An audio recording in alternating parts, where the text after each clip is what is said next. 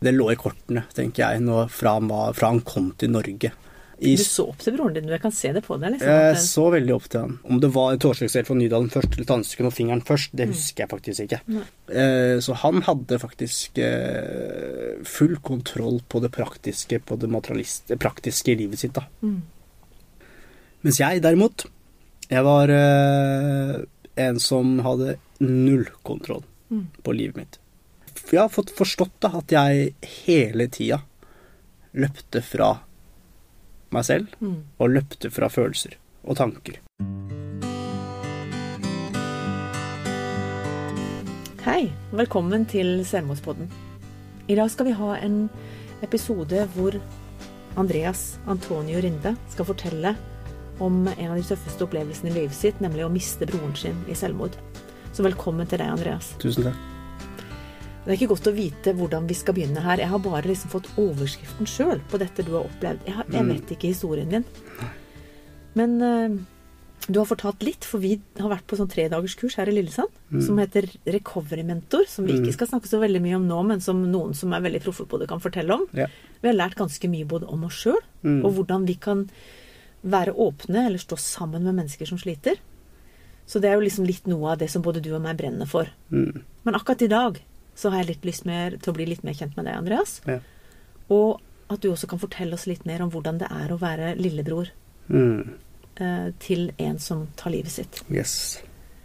Men begynnelsen Jeg er jo opprinnelig fra Colombia, så jeg, jeg kom til Norge da jeg var to år gammel. Og da ble jeg bosatt på Nesodden. Og eh, jeg kom, når jeg kom til Norge, så jeg Så ble jeg Storebroren min var med eh, ned til Colombia for å hente meg. Og han var da fire år eldre enn meg, så da var jo han seks år, da. Og han eh, er jo født var jo, Er ikke min biologiske bror, så han er jo født fra en annen by. Som sagt kom fire år før meg. mm. Når jeg kom til Norge, så husker jeg at eh, jeg var veldig sånn Jeg har blitt fortalt, da, at jeg var veldig opptatt av å bli sett og likt og hørt. Og eh, jeg var veldig energisk, og jeg er veldig rastløs. Og eh, jeg har blitt fortalt at jeg var veldig flink til å dele og gi, og eh, veldig leksom med broren min. Og gjorde veldig mye. Jeg var liksom alltid på farta fra jeg var to år. Eh, jeg, vis, jeg visste jo ikke at han var adoptert fra et annet sted før jeg ble eldre. Nei. Fordi jeg tror ikke jeg ble fortalt det før kanskje jeg var eh, Ja, før jeg kanskje var seks-sju år, da. Da begynte, For da kunne jeg liksom føle Eller i hvert fall da kunne jeg tenke mer enn det jeg klarte da jeg var to år, i hvert fall. Mm. Så når jeg ble fortalt det, så var det bare sånn Å ja, ok. Ja ja. Whatever. liksom. Whatever, liksom. Vi har vel levd sammen nå lenge. Det er broren min. Og eh, jeg husker han var veldig, veldig, veldig skjær. Han, han tok veldig vare på meg. Og så husker jeg at eh, det blei en liten sånn eh, bror- og søskenkjærlighet som det alltid er, tenker jeg, i alle familier. Og eh, Når var det? At dere det, Nei, det var vel når jeg begynte, mer om dere? begynte vel Når jeg skulle begynne på i første klasse. Eh, Da var jeg seks år, og han var vel ti. Og da husker jeg at han sa til meg at liksom Ja, du burde, eh, du burde grue deg du begynte på skolen, det er helt jævlig, og Han liksom, han syntes at eh, Han skulle liksom skremme meg, da. og eh, jeg ble skremt, da. Så, så Men var ikke han der og kunne passe på deg litt? Jo, men han var mer opptatt av å, å tulle og tøyse med meg, da. Sånn som brødre, storebrødre kanskje er. Mm. Eh, erte meg litt og, og sånne ting. Og jeg visste jo ikke da at uh, Viktor kom fra en familie. En veldig dysfunksjonell familie.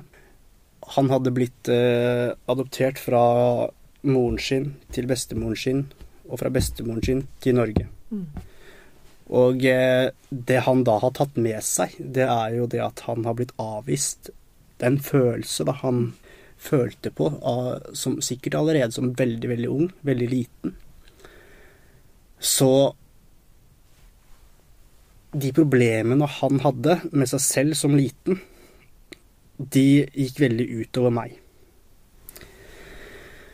Så broren min, han eh, han kunne være litt sånn eh, Veldig bossy og veldig sjefete. Og eh, han likte på en måte den han, for, han, for, for, han også, for, for, han så var det veldig viktig å, å, å, ikke vise at han, han var lei seg. Eller var redd. Ah, for han var det veldig viktig å vise at han var tøff. Og morsom, kanskje. Og morsom, som skulle bare være liv og Spesielt morsom. Han var, han var, ikke slem, jeg vil ikke si det, men han var eh, litt utagerende. Hadde en utagerende oppførsel eh, som gjorde at jeg ble litt redd for han. Og eh, jeg skjønte jo ingenting, eh, fordi jeg var jo jeg var liten. Og visste at, jeg visste jo ikke hva problemet var. Jeg visste jo ikke hva, hva følelser var, jeg. Så jeg så jo bare på han som litt skummel, da. Mm. Og det var jo fire år forskjell. Og det er, det var, er jo kanskje nok til at eh, Nok til at vi akkurat ikke blei på en måte bestevenner som små. Hadde han vært to år eldre enn meg, så tror jeg vi hadde vært veldig nære. Ja. Det, er den jeg, det er den oppfatningen jeg Det er det jeg tror. Eh, men det var, vi var fire år, fire år eldre enn meg, så når, begynte, når, jeg begynte i tenårene, og han var kanskje 16 da, og jeg var 12 eh, Da husker jeg at eh, jeg begynte å snuse veldig tidlig, fordi han gjorde det. Så han var liksom litt sånn helten din, da? Ja, han var det. altså. Selv om han av og til var litt uh, tøff med det? Absolutt. Han var jo det. Hadde, liksom, han var kul. Men han hadde sitt og, stre, og, og, og han hadde sine problemer. Mm. Som igjen gikk utover lillebror. Som er helt naturlig, tenker jeg. Og jeg husker jeg stjal snus av han uh, veldig ofte. Uh, og han likte jo ikke det. Så det blei liksom sånn der jeg har jo tatt snus av meg. Han liksom Nei, jeg har ikke det. Jeg ser du har vært i boksen min. Nei, jeg har ikke vært i boksen din. Og man kan jo se hvis etiketten er revet av, ikke sant. Han ser jo det. Eh, og det var jo Men i ettertid, i voksen alder, så kan jeg skjønne, kanskje føle at han passa på meg. Han ville ikke at jeg skulle begynne med det. Altså, det var ikke bare at du stjal for han? Nei, jeg tror det var en mer genuin det var en genuin uh, passe-på-følelse han hadde da, for meg. Mm. At det her skal ikke du begynne med, du er for liten. Mens jeg så på det, jeg så på han som en drittsekk. da. Bare sånn, du driver med det, det kan jo jeg drive med det. Uh, så jeg, jeg, jeg, husker at skille Det var et ganske stort skille mellom oss i barndommen. Det var det. Det var det. Det var, uh, det var, det var mye. Det var mye, mye krangling. Mye krangling. Fikk dere noe hjelp opp i denne fasen her? Altså Nettopp også fordi dere var adoptert, at dere hadde kanskje litt bagasje begge to. Du har nå snakka bare om Viktor. Yes. Men hadde ikke du noe bagasje sjøl? Absolutt. Jeg har opplevd overgrep og mishandling i Colombia. Jeg... Ble, ble, det, Sto det papiren din noe sted, eller noe sånt, noe, sånn at det ble fulgt opp fra dag én? Jeg kom til Norge, eh, hadde, brokket, jeg hadde, hadde hatt et brukket lårbein i Colombia som sto i papirene mine. Jeg hadde blitt mishandlet, som sto i papirene mine, og opplevd overgrep. Jeg hadde sigarettmerke bl.a. på meg, som hadde blitt avstumpet over kroppen. Så når jeg da kom til Norge, så ble jeg selvfølgelig dro vi på Mamma tok meg på undersøking. Mm. Men jeg smilte jo og var glad. Mm. Så det passa ikke inn i det, det bildet passet. på en som var misbrukt og mishandla? Jeg smilte, jeg var glad. Eh, jeg lekte. Jeg løp. Det så ut som jeg hadde det veldig bra. Og jeg klarte jo ikke å sette ord på at jeg hadde det dårlig. Mm. Så jeg klarte å eh, på en måte putte på meg en maske allerede da, som en liten, liten unge. Og jeg var som sagt jeg var veldig opptatt av å bli sett, jeg var veldig opptatt av å bli hørt. Uh, allerede som liten, liten, liten gutt. Og i voksen alder så har jeg lært at de to viktigste årene er de to årene er de viktigste leveårene for et uh, barn. Mm. Den kjemien du får med moren din, og når du blir mishandlet av din egen mor, og opplever overgrep Moren min tok meg med til et crackhus e, rett fra sykehuset til et crackhus, og crackhus vil si et hus der hvor rusavhengige bor. Mm. Nå snakker du mammaen din i Colombia? Ja, absolutt. Moren min i Colombia tok mm. meg rett med dit etter fødselen. Så to brødre kommer med masse forferdelige ting som har skjedd med dere. Og så kommer dere til et annet land. Mm. Dere ser ganske like ut som oss, for å si det sånn. Men noe, har du noen gang blitt mobba for det også? At du ser annerledes ut? Absolutt. Har du det òg, ja? Jeg ble kalt apekatt uh, den, av den lokale butikkarbeideren. Fikk ikke komme inn i butikken. Ble What? kalt neger. Måtte bli stått uten. Fikk ikke lov å komme inn. Dette er på 90-tallet vi snakker om. Ja. For du er, det glemte vi å si, du er 30 år, du. ja. Og broren din hadde vært 34 hvis han hadde 35 år i dag. Eh, I år. Så Jeg tror ikke broren min opplevde mye mobbing. Jeg opplevde eh, mobbing. Mm. Jeg Var han litt tøffere enn deg og tok igjen, tror du? Du snakka om at du alltid var glad, så du ikke oppdaga det sånn. Det var en mer Viktor var mer selvstendig Ja. enn meg. Jeg var vel eh, litt mer drittunge. Og eh, Og Viktor var eh, en som blei veldig godt likt. Jeg tror at eh, Viktor var veldig, veldig flink til å eh, ta vare på vennene sine. Veldig flink til å, å se andre. Han var veldig flink til å Og så var han morsom. Mm. Og morsomme mennesker. Ler man jo av, og ler man, ler man med. Mens jeg var vel kanskje den som eh, var veldig Jeg prøvde for hardt. Kanskje barn merker det, da. At jeg, at jeg var litt sånn eh, Sånn som prøvde veldig hardt å bli likt, da. Og, og um, Ble du mobba for det? Nei, jeg ble Nei? mobb, jeg blei bare, ble bare mobbet for, uh, for hudfargen min. Ok. Uh, ble kalt uh, Ja, mye rart. Det her er noe jeg egentlig ikke snakker om. Men er du komfortabel å snakke om det nå? Jeg er komfortabel nå? å snakke om det, Ja. fordi jeg har snakket mye om det med mamma. Jeg har snakket mye om det med venner. Og jeg har vært innrømt det på TikTok-kontoen min også. Og eh, Du må fortelle to, litt grann om TikToken din. Ja. Altså Før vi går videre inn på dette tøffe som skjedde for i 2011, sant? Det skal vi inn på litt seinere. Men først må vi finne ut av litt hvem er du. Så den, du har en TikTok-konto. Du har valgt å være veldig åpen om disse tingene. Fortell, hva, Hvor finner folk deg på TikTok? Jeg kaller meg Fortelleren 1. Eller Forteller 1. Ja, Et tall. Mm. Andreas. Forteller 1. An, et Andreas. Mm. Og jeg begynte TikTok-kontoen ca. for seks-sju måneder siden. Midt Og- under korona. midt under korona, og jeg tenkte at nå er det tid og rom og sted for å snakke om min historie. Mm. Så forhåpentligvis da at jeg kan hjelpe andre som er eller har vært i min situasjon. Var det ikke kjempeskummelt? Liksom første episode og sånn. Åssen var, var det? Første innlegget var sånn at jeg tenkte Ok.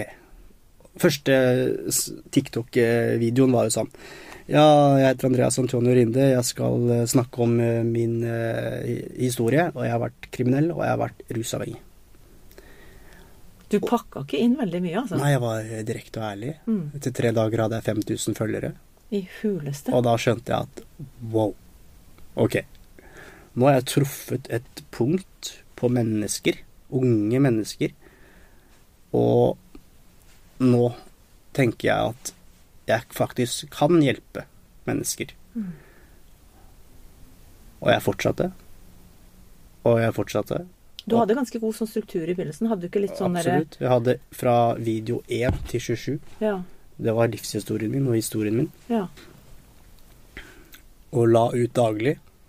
Og eh, kan nesten kalle det et foredrag som jeg hadde på TikTok. Og det gikk kjempebra, og eh, god respons.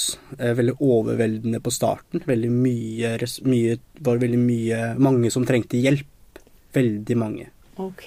Hvordan takla du det, da? Hvordan fikk du Nei, jeg henviste veldig mange til Mental Helse og Ungdom. mm. Veldig mange ringte det nødnummeret.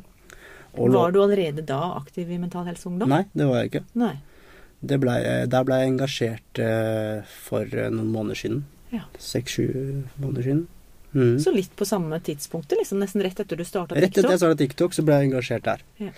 Så nå har jeg 20 000 følgere. Det er eh, utrolig flott, syns jeg. For nå når jeg faktisk ut til Mm. veldig mange. Og nå har jeg fått en struktur på det. Nå har jeg satt av tid til dem som jeg følger opp, med tillatelse fra foreldrene deres. Ja.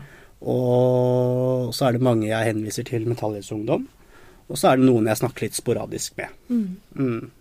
Men du har et budskap. Du snakker, altså, han heter Fortelleren. Ja. Så du har valgt Dette er tema som mange syns er grusomt vanskelig å snakke om. Altså Både Ja. selvmord, psykiske problemer Gutter har jo ikke problemer, ikke sant? I hvert fall så snakker vi ikke om det, for dere skal fikse det sjøl. Mm. Altså den tøffe veien du sjøl har gått Nå har vi vært litt sånn fram og tilbake med at Viktor hadde det tøft i oppveksten. Det virker ikke som ennå at han på en måte har tatt han helt ut, mens du snakker om at du sjøl på et eller annet tidspunkt blei både kriminell og begynte å bruke rus. Hvor gammel var du når du begynte med det? Jeg var 15 år gammel da jeg eh, begynte aktivt. Hadde prøvd det to-tre ganger før jeg ble 15 år. Når jeg var 15 år gammel, så begynte jeg aktivt med misbruking av hasj. Mm. Hva sa broren din da? Oppdaga han det, eller visste han Broren min var fire år eldre enn meg, han var 19 år. Han var i full gang med skole, jobba på Jafs. Han eh, hadde fått lappen, han hadde kjæreste. Viktor var langt foran meg. Ok. Han hadde ikke tid til å være hjemme. Mm. Han var, kom hjem bare av og til. Han hadde fulle hender. Så han kunne ikke ta seg av det? han kunne heller, ikke passe på det? meg. Han, det Mm. var ikke før eh, jeg ble eldre. Han, det, var jeg, det var når jeg ble 18 år han på en måte begynte å ta vare på meg. Mm. Da så han at rusproblemene mine hadde gått ut over eh, alle andre enn meg selv. Så året etter, når jeg var 19, så ble jeg holdt så å si tvangsinnlagt på et behandlings, behandlingssted i Hamar. Og Viktor var veldig engasjert. Han var med på familieuken. Han tok det veldig seriøst. Bare jeg og, jeg og pappa tulla bitte litt, så sa han ikke tull nå. Mm. Det her skal vi ta alvorlig. Eh, men når jeg kom hjem, så sprakk jeg med en gang. Og jeg kunne bare føle at broren min var skuffa av meg, og det, det sa han. Eh, og jeg måtte jo gjemme meg for han. Og jeg tok ikke telefonen han ringte. Jeg var en veldig dårlig lillebror.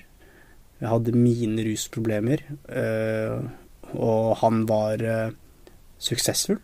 Han gikk jo da på Westerdal og utdanna seg til eh, manusforfatter. Eller var det tekstforfatter?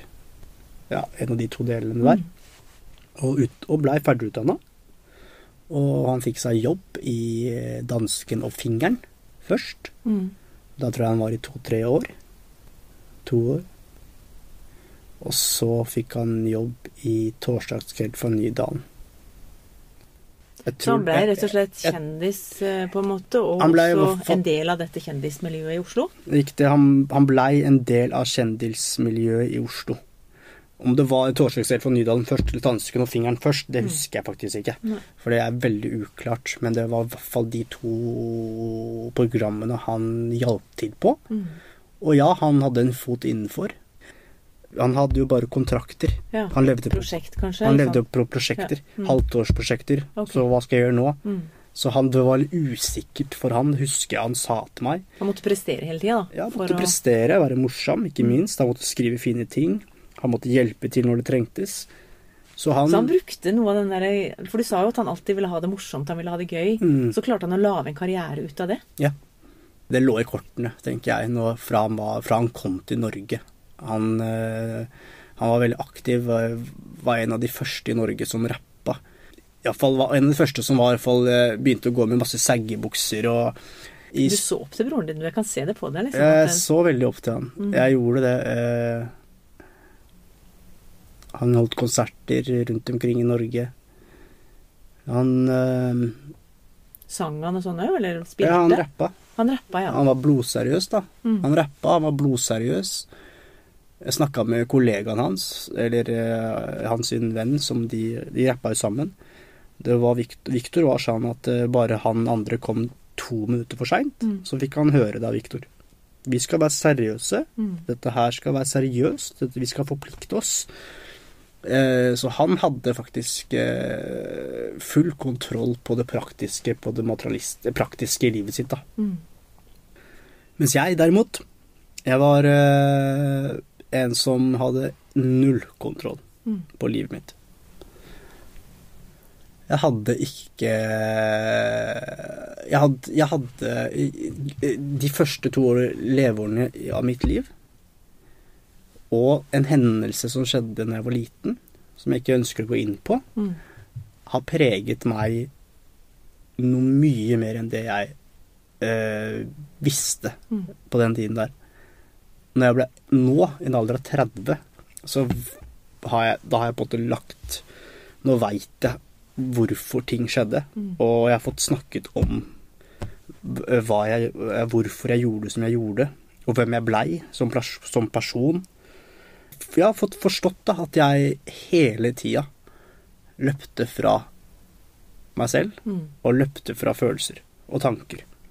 Jeg ville ikke tenke, jeg ville ikke føle, For med en gang jeg tenkte, så tenkte jeg på tullete ting som hadde skjedd, som jeg ikke visste engang. Jeg visste ikke engang hva som hadde skjedd. Jeg hadde bare lest papirene mine. Og jeg, da forsto jeg at oi, ok, det er derfor jeg ikke ønsker å føle. Det er derfor jeg ikke ønsker å tenke. Fordi noe følelsesregisteret eller følelseslivet mitt, eller underbevisstheten min, har tatt med seg noe vondt fra utlandet nei, fra Colombia. Og så bygger det egentlig bare på seg, da. Når du kommer til Norge, du blir mobba, du opplever å bli stengt ute, du blir, ha- har kallenavn. Du har en bror som du har et litt trøblete både heltestatus, alt mulig sånn. Mm. Og så begynner du å ruse deg som 15-åring, og holdt på. Hvor lenge holdt du på? Jeg holdt på til jeg var eh, seks og sju år. Uten stopp, eller hadde du noen sånne innleggelser? Jeg hadde noen innleggelser. Jeg hadde, fire innleggelser fra jeg var 19 til jeg var eh, 26. Ja. Så jeg hadde jo ganske mange innleggelser. Jeg hadde noen, noen innleggelser, ja. Og hadde noen år faktisk jeg var rusfri. Mm. Og så var det rett tilbake. Ja. Der jeg slapp. Mm. Men nå har vi hørt litt om din story, og jeg tror det blir nesten nok til en episode nå. For at du og Mm. meg, vi snakker, og jeg lever meg også helt inn i storyen din, Andreas. Så jeg tenker at dette Jeg sier tusen takk til deg for denne første delen. Mm. Og så tror jeg vi skal bruke del to til å fortelle litt mer om hva skjedde for noe før, rett før, og kanskje midt oppi dette tøffe du opplevde i i 2011. Mm. Så tusen takk til deg nå. Til slutt har vi lyst til å fortelle deg hvor du kan få hjelp. Hvis du trenger akutt hjelp, må du ringe 113. Ellers kan du ringe Kirkens SOS, som er en døgnåpen krisetelefon. Du kan ringe Mental Helse, de er også døgnåpen. Og Leve kan du kontakte på nettet med leve.no. Det er en landsforening for etterlatte ved selvmord. Du kan også kontakte legevakten hvis det er akutt, på 116 117. Det er noe som heter Kors på halsen, som er Røde Kors sin eh, tjeneste. Det er en lavterskel samtaletelefon for barn og unge under 18. Så er det også stiftelsen Elpis, som gir mange ressurser og opplysning om selvmordsforebygging, og de arbeider for at selvmordsnære og deres pårørende skal få den hjelpen de trenger. Og stiftelsen Lillebrors minne har omsorg for etterlatte, og de har også en sånn sorgstøttetelefon på søndager. Alle disse kan du benytte deg av, og vi håper at du eh, blir med oss neste episode. Takk for nå.